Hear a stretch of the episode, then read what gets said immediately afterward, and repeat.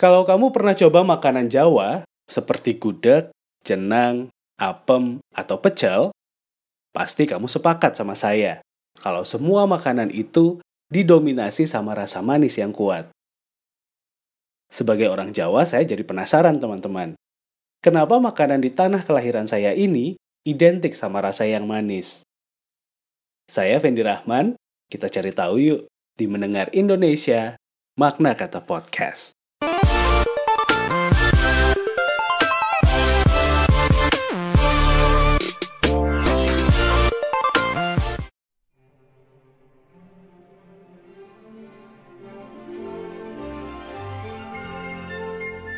Rasa manis yang ada di makanan Jawa ternyata bukan tanpa alasan, teman-teman.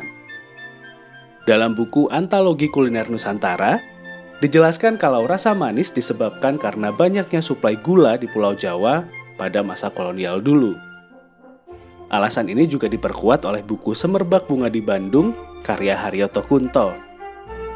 Semua berawal ketika Belanda menjajah Indonesia di tahun 1830 sistem tanam paksa atau culture stelsel diberlakukan di Indonesia. Petani di Jawa Barat diwajibkan untuk menanam teh, tapi mereka ditipu oleh penjajah. Belanda mengekspor daun teh berkualitas tinggi, sedangkan pribumi hanya disisakan gagang tehnya saja. Sehingga rakyat Priangan menganggap itulah teh yang sebenarnya. Sementara di Jawa Tengah dan Jawa Timur, petani dipaksa menanam tebu karena mereka tahu lahan di sana sangat baik untuk jenis tanaman ini. Selama kurang lebih 9 tahun, 70% sawah diubah menjadi perkebunan tebu. Ada ratusan pabrik gula di Jawa Tengah dan Jawa Timur. Semua dilakukan untuk hasil produksi yang maksimal. Akibat eksploitasi yang berlebihan, rakyat Jawa mengalami kelaparan yang hebat, teman-teman. Saat kondisi serba sulit, orang Jawa kembali membuktikan ketangguhannya. Semua sisa bahan makanan dimasak dengan air perasan tebu. Akhirnya, sampai sekarang makanan di Jawa identik sama cita rasa manis dan legit.